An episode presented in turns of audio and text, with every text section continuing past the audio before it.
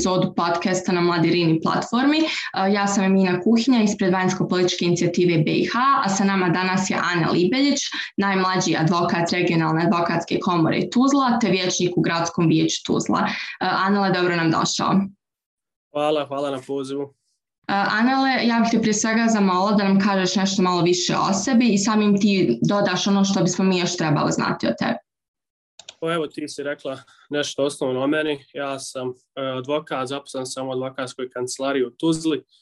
E, najmlađi sam advokat u regionalnoj advokatskoj komori Tuzla. Također sam na posljednjim lokalnim izborima 2020. godine izabran za vijećnika u gradskom vijeću Tuzla ispred socijaldemokratske partije. E, završio sam pravni fakultet, magistrirao sam pravnom fakultetu, zlatni student sam univerziteta u Tuzli, tako da tu su neke osnovne stvari koje, koje imam reći o sebi. Hvala, Anele.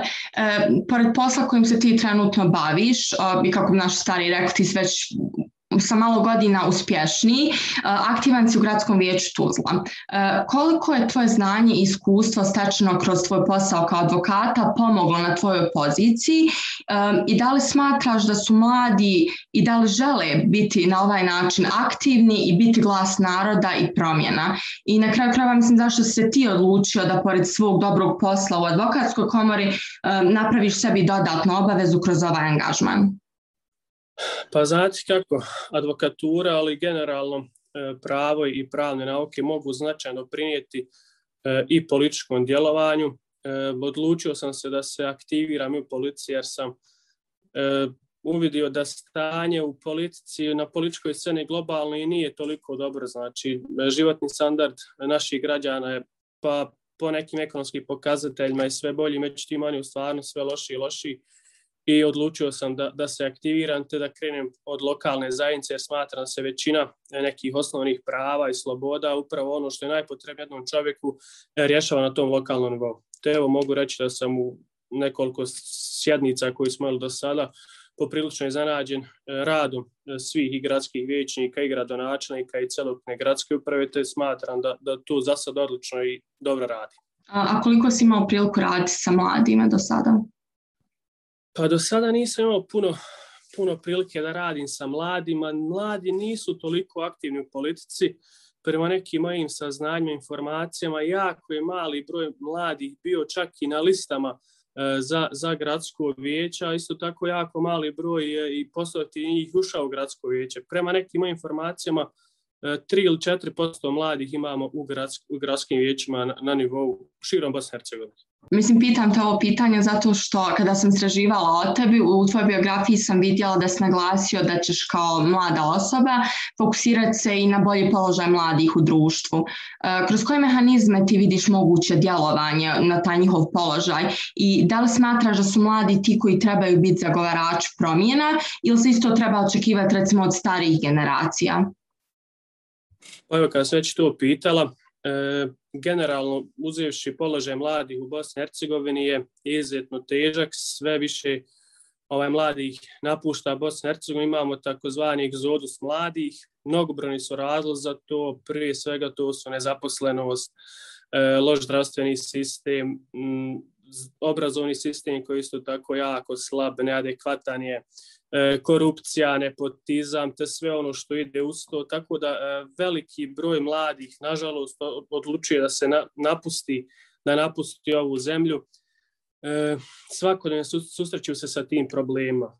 E, ono što bi ja želio da skrene mjesto da je potrebno krenuti u reformu, u reformu politike, e, prije svega prema mladima. Trebaju se razvijati određene strategije, što je svakako obaveza u skladu sa zakonom o mladima na nivou Federacije Bosne i Hercegovine, e, koji je prije svega propisao i postavio određene institucionalne mehanizme e, kada je riječ o pravom obavezama kako svih organa vlasti federacije, ali tako i E, samih mladih. E, taj zakon je izvjetno e, dobro koncipiran, predvidi formiranje vijeća mladih na lokalnom nivou, kantonalnom i federalnom nivou.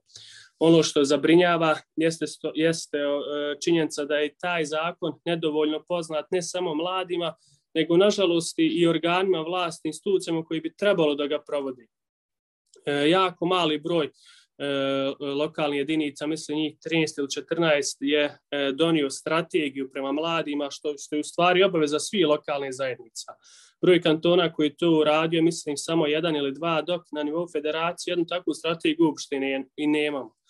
E, ja sam na prošloj sjednici Gradskog vijeća Tuzla uputio e, inicijativu e, prema parlamentu Federacije Bosne i Hercegovine e, za izradu strategije za mladi na novu Federacije Bosne i Hercegovine. To je znači bilo obaveza parlamenta i vlade još od 2010. godine kada je ovaj zakon stupio na snagu, međutim do danas to nije učinjeno i smatram evo da će ih ovo i potaći da, da, da, da se to uradi. E, ono što je potrebno naglasiti i zbog čega mladi, nažalost, najčešće odlaze jeste nezaposlenost. Tu je problem broj 1 u Bosni i Hercegovini. Negdje oko 60% mladih u Bosni i Hercegovini je zaposleno. To je katastrofalan podatak. E, taj broj nezaposlenih je četiri puta veći nego što, što je tu u Evropskoj uniji. Nezaposlenost je naime uzrok svih ovih sad, sad, socijalnih anomalija i svega ostalog. Tako smatra da se mora izvršiti jedna reforma, reforma u, u, u pogledu ne, pogledu smanjivanja te, te stope nezaposlenosti u Bosni i Hercegovini. Svi ti problemi koje su upravo naveo tiču se kako naše populacije, tako i mladih i ja mislim nekako da za vrijeme pandemije sve se nekako povećali ti problemi i naravno procentualno ja vjerujem da je sada i ta stopa možda i veća. Uh, također za vrijeme pandemije i tokom donošenja epidemioloških mjera prijavljene su i kršenja određenih prava stanovnika. Uh, da li bi mogao ti kao neko koji je završio pravni fakultet koji je dosta dobro upoznat sa tom legislativom, e, objasniti o kojim pravima se zapravo radilo i kako je naše pravosuđe reagovalo? Pa kada je riječ o, nažalost, ovoj nestrpnoj pandemiji izazvanom virusom COVID-19, ona je imala značan utjecaj na ostvarenje ljudskih prava širom svijeta, a pa tako i zvijetak njeni Bosna i Hercegovina. E, naime, u tu svrhu države su širom svijeta uvodile određene mjere sprečavanja širenja pandemije, namećući određene ograničenja kretanja, ali i mjere takozvanog socijalnog distanciranja, što je, zauz, što je zauzra dovelo do ograničenja individualnih prava, ali i sloboda bez presedana. Naime, postavlja se pitanje da li je legitimno i legalno uvoditi od nekada takva ograničenja. E, prema E, međunarodnim standardima i prema standardima e, koje, koja važe u, na području međunarodnog prava, moguće je znači uvoditi određena ta ograničenja, međutim što se mora raditi u skladu sa e, zakonom propisanom proceduru. Znači, more postati jasni razlozi procedure kada se mogu ograničiti određena prava. To se sve mora raditi u skladu sa E, propisima, ali mora postati legitiman cilj koji, e, koji, koji se time želi postići. E, legitiman cilj konkretnih mjera jeste prije svega bila zašta, odnosno e, naše javno zdravstvo i, i zašta našeg zdravlja. Međutim, ono što, što su naši zakonodavci ili izvršna vlast propustili rati, e, jeste u stvari ono što je Ustavni sud u dvije presude ovaj e, zaključio, a to je da je došlo do kršenja e, ljudskih prava i sloboda zagarantovanih Ustavom Bosne i Hercegovine, ali i Evropskom konvencijom za zaštitu ljudskih prava i sloboda. Naime, kako bi bilo u skladu sa standardima ljudskih prava, svaka mjera preduzeta da se zaštiti stanovništvo, a koja ograničava individualna prava i slobode mora biti propisana zakonom, mora biti neophodna u demokratskom društvu, mora biti zasnovana na čvrstim dokazima, mora biti podložna preispitivanju, vremenski je ograničena i najvažnije mora biti proporcionalna cilju koji se treba postići. E, pa tako su tokom pandemije kršena različita prava kao što su pravo na pružanje informacija, primanje informacija, pravo na privatnost, sloboda kretanja, sloboda izražavanja, prava iz oblasti rada te mnoga druga prava. E, ja bih naglasio da se vlasti, nažalost, na federalnom, ali na državnom nivou nisu, nisu uspjele da snađu na adekvatan način u uslovima ove pandemije nisu ovaj e, mjere koje su donosile nisu bile nisu bilo obrazložene. E, svrha tih mjera jeste bilo u stvari da se spriječi pandemija. Mislim mi smo svi otprilike znali šta je razlog donošenja takvih mjera, to je da se spriječi širenje u stvari tog virusa COVID-19. Međutim, e, prilikom donošenja tih mjera, svaka od tih mjera je morala biti jasno obrazložena. moralo je biti navedeno šta se to mjerom želi postići. Moralo su biti određeni ispitivanja kako će ta mjera uticati na sprečavanje širenja tog virusa. Moralo se ukazati građanima e, šta se to mjerom, e, šta se to mjerom pokušava, pokušava uraditi. Međutim, to je vlast propustila da učini. Nije bilo preispitivanja tih mjera. Te mjere najčešće nisu bile vremenski ograničene. Sve je tu konstatovano odlukam Ustavnog suda Bosne i Hercegovine. Tako da možemo reći da se u stvari ova pandemija pretvorila u krizu ljudskih prava. Tako da. Da, a kakve, se sa, kakve sankcije inače proizilaze iz ovakvih kršenja? Pa konkretno ovdje nemamo nika, nikakve sankcije, nikakve sankcije nisu nisu ovaj nametnute nametnute nosiocima, odnosno donosiocima ovih odluka. E, pokre, određene apelacije su bile pokrenute protiv e, naredbi kriznih štabova, utvrđene su povrede, e, te je naloženo da se naloženo ovaj odluk Ustavnog suda da se te povrede otkloni. Imate moguće da, da su određeni neki novčani satisfakcije, ali to, to je to je neznatno. Često je i tokom pandemije prozivano to da mi nemamo nikakvu zaštitu podataka i samim tim bih spomenula i GDPR mehanizam, pogotovo u onom periodu kada su se javno objavljivala imena Kad govorimo o tom GDPR mehanizmu, mi svi znamo da u Bosni i Hercegovini takav mehanizam nije implementiran. Da li ti smatraš da je prepoznata potreba za ovakvim mehanizmom i da li bi se patent istog mogao preuzeti recimo od Evropske unije ili mi sa našim sistemom koji je takav kakav jeste moramo izgraditi novi koji bi više bio adaptiran? Pa kada je riječ o GDP mehanizmu, ja bih samo naglasio da je to jedan generalni propis o zaštiti podataka Evropske unije, možda pošto nas slušalci i gledalci to e, ne znaju, to je znači jedan generalni propis o zaštiti podataka na nivou Evropske unije koji je nazvan opšta uredba o zaštiti podataka. I on je donesen od strane Evropskog parlamenta još 2016. godine, međutim stupio na snagu sredinom 2018. godine jer je ostavljeno prelazni period dvije godine za njegovu implementaciju. E, na snagu e, opšte uredbe o zaštiti podataka na nivou Europske unije. E, stavljena je van snage direktiva 95 kroz 46, ja mislim, koja je do tada regulisala tu oblast zaštite ličnih podataka.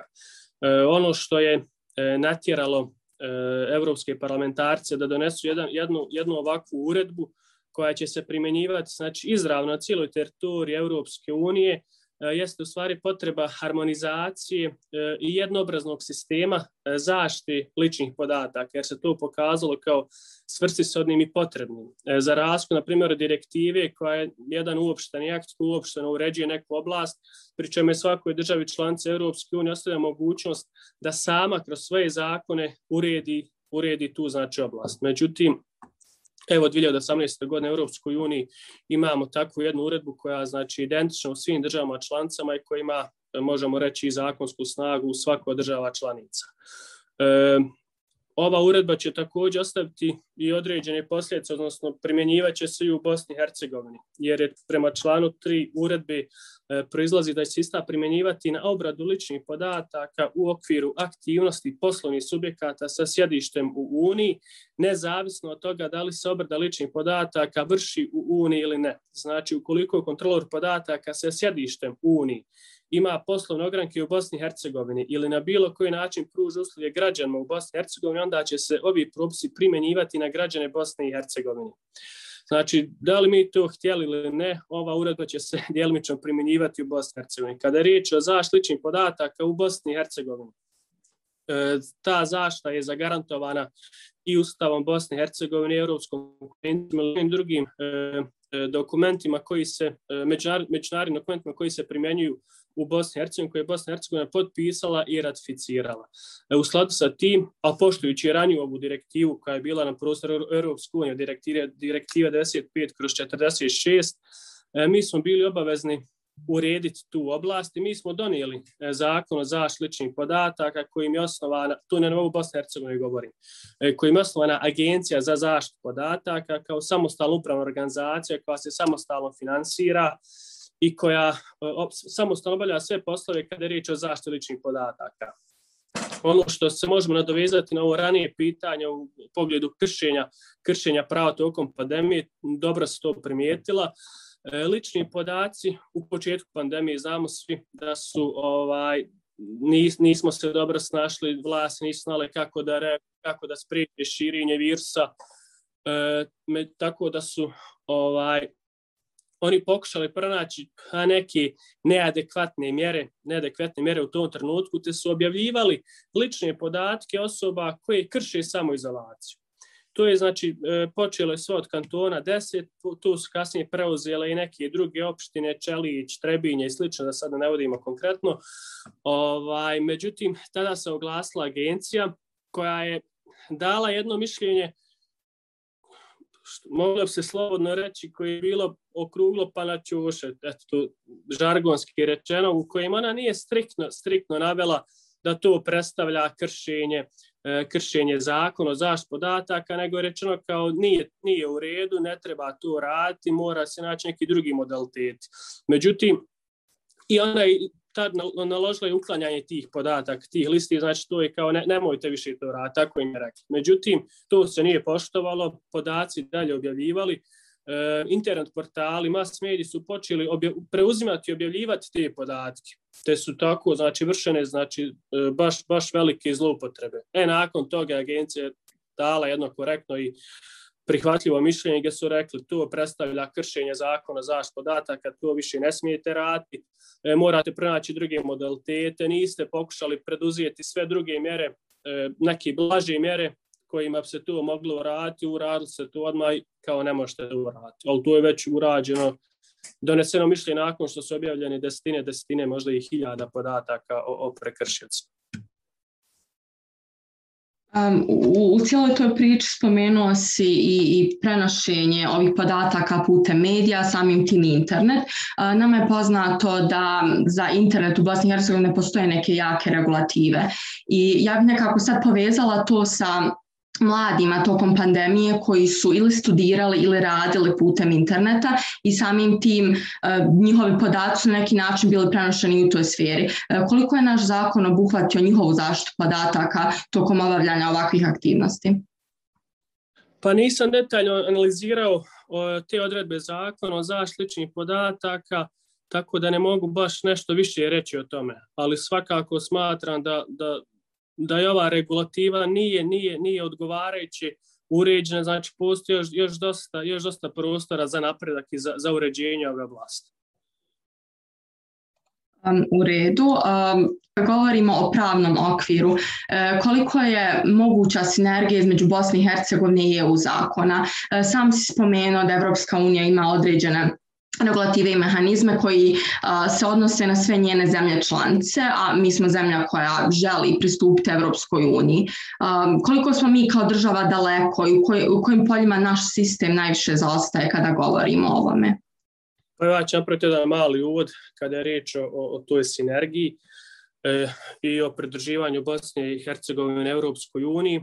Mi smo još 2008. godine odlučili da želimo postati članca Europske unije, da želimo krenuti u taj proces evropske integracije, kada smo potpisali sporazum o stabilizaciji i pridruživanju, e, koji je e, stupio na snagu tek sedam godina poslije čak 2015. godine, jer ti, u tom periodu smo e, tek ispunili obaveze koje smo preuzeli potpisivanjem tog sporazuma. 2016. godine smo podnijeli zahtjev za članstvo u Europskoj uniji, nažalost, još nismo dobili kandidatski status prema nekim informacijama koji kruže u medijima, to bi trebali dobiti do kraja ove godine, ali smatram, nažalost, da se to ipak neće desiti, imajući u vidu kakva je trenutna politička situacija u zemlji. ono što je potrebno istaći e, jeste u stvari jedno mišljenje, kako se to naziva, ili AVIS e, Europske komisije još iz 2019. godine, E, u kojim su istaknuti određeni prioriteti koji, koji, kojim se Bosna i Hercegovina mora voditi e, kako bi stvar dobila kandidatski status. Tu je navedeno 14 prioriteta e, u oblasti demokratije, u oblasti vladavine prava, temelja ljudskih prava i sloboda, te oblasti reforme, reforme javne uprave. Jako malo od toga, jako malo od toga je realizovano. E, s obzirom koliko pratim političku scenu, samo je jedan od tih prioriteta e, e, ispunjen. dok su tri prioriteta djelimično ispunjena. Ispu, kad, u, je, je, to mišljenje je koncipirano tako da se pokuša usmjeriti Bosna i Hercegovina, se pokuša usmjeriti e, e, E, integracijni, integraciju, integracijni proces, te ono što ona potrebno da uradi kako bi što lakše i bezbolnije e, mogla da, e, da svoje, svoje pravo, svoj zakonodavni okvir uskladi sa evropskim. Jer mi sve dok ne uskladimo e, na naše zakonodavstvo sa evropskim, sa, sa komunitarnim prema Evropskoj unije nećemo, nećemo dobiti mogućnost da, da postanemo članca Evropske unije, a također nećemo moći dobiti mogućnost da dobijemo i kandidatski status. Ono što se provlači kroz medije već deseta godina, a što je ponovo naglašeno ovo mišljenju e, e, e, Evropske komisije, jeste u stvari e, nužnost potreba e, izmjene izbornog zakona Bosne i Hercegovine a posljedično tome i samog Ustava Bosne i Hercegovine. E, naime, imamo brojna kršenja politički, odnosno biračkih prava građana u Bosni i Hercegovini, to je svima poznato, vjerojatno E, E, kroz medije i kroz analizu slučaja Sejdić, Finci protiv Bosne i Hercegovine. Međutim, pored te presude imamo još nekoliko presuda protiv Bosne i Hercegovine koje su donesene oblast izbornog prava, to su Zornić e, protiv Bosne i Hercegovine, Šlaku protiv Bosne i Hercegovine, Pila protiv Bosne i Hercegovine. Sada vas ne zamaram pojedinačno sa svakim od tih slučajeva. U svim tim presudama, odlukama, Evropski sud za ljudska prava je rekao da je prošlo stanje, znači tog nekog prelaznog perioda, tu mislilo se na, na e, činjenicu da je Ustav u Bosni i Hercegovini donesen u stvari kako bi se spriječio rad, znamo svi da je Ustav Bosne i Hercegovine sastan dio općeg okvirnog sporozuma za mir u Bosni i Hercegovini, e, koji je u to vrijeme bio adekvatan, znači imao je legitiman cilj da se zaustavi rat, da se spriječi stradanje nevini žrtava i tome slično. Međutim, rečeno je prošao je taj prelazni period, nemate više mogućnost da kršite ljudska prava, imate institucije, morate djelovati u skladu sa međunarodno, e, međunarodnim e, ljudskim standardima, međunarodnim standardima nora međunarodnog prava, preuzeli ste obaveze, potpisali ste i ratifikovali ste Evropsku konvenciju i morate je poštovati. Međutim, evo već deseta godina i više to, te, te odluke se ne provode, tako da ključ, ključ dobijanja kandidatskog statusa će upravo biti regulacija tog izbornog sistema i omogućavanje svim građanima Bosne i Hercegovine, bez obzira da li su oni bošnjaci, hrvati, srbi, nacionalne manjine, da imaju jednaka prava na pristup svim institucijama, počevši od presjedništa Bosne i Hercegovine pa domova naroda i ostale institucije. Bez obzira gdje žive, da li žive u jednom entitetu ili u drugom, da li, da li su u dijaspori ili ne, ne, nezavisno od toga. Znači, uglavnom, taj, taj status će se morati riješiti. Ehm, smatram da se doista detaljno i iscrpno objasnio sve ono u čemu mi zaostajemo i koji su to problemi na koje se trebamo više fokusirati eh, kao cjelokupno društvo na kraju krajeva i država i naše institucije. Ehm, da li postoji još nešto što bi imao ovako reći za kraj kao neki zaključak eh, kada govorimo o vladavini prava u Bosni i Hercegovini? Pa kada je riječ o vladavini prava u Bosni i Hercegovini, ehm, ja bi naglasio da ta vladavina prava mm, nije na zadovoljavajućem nivou. Imamo, vidimo svakodnevno kakva situacija dešava u pravosuđu, e, svi zahtijevaju reformu Visokog sudskog tužilačkog vijeća, ali cijeloknog pravosuđa u cijelini. E, smatram da ćemo mi morati, znači mislim na sve nas, ne samo na, na, na nosioce političkih funkcija, poduzeti određene adekvatnije mjere kada je riječ e, o podizanju stepena vladavine prava. Jednostavno morat ćemo krenuti u neke reformske procese koji će svakako biti boli, ali bez koji nećemo, nećemo moći e, ostvariti neke bolje i snažnije rezultate u, u budućnosti. Tako da vidjet ćemo šta će se u budućnosti dešavati, ali ja sam optimista i, i mislim da, da, da ćemo izaći na pravi put. Da, drago mi je da svaki put podcast završi na nekoj pozitivnoj noti. Uh, Anale, veliko hvala na odazivu i današnjem gostovanju. Uh, ja ću slušalce pozvati da i dalje prate našu platformu te aktivnosti Think for Europe mreže, čiji je dio naravno vanjsko-politička inicijativa BiH zajedno sa svojim partnerima u regiji. Tako da to bilo to za danas i do narednog slušanja. Hvala.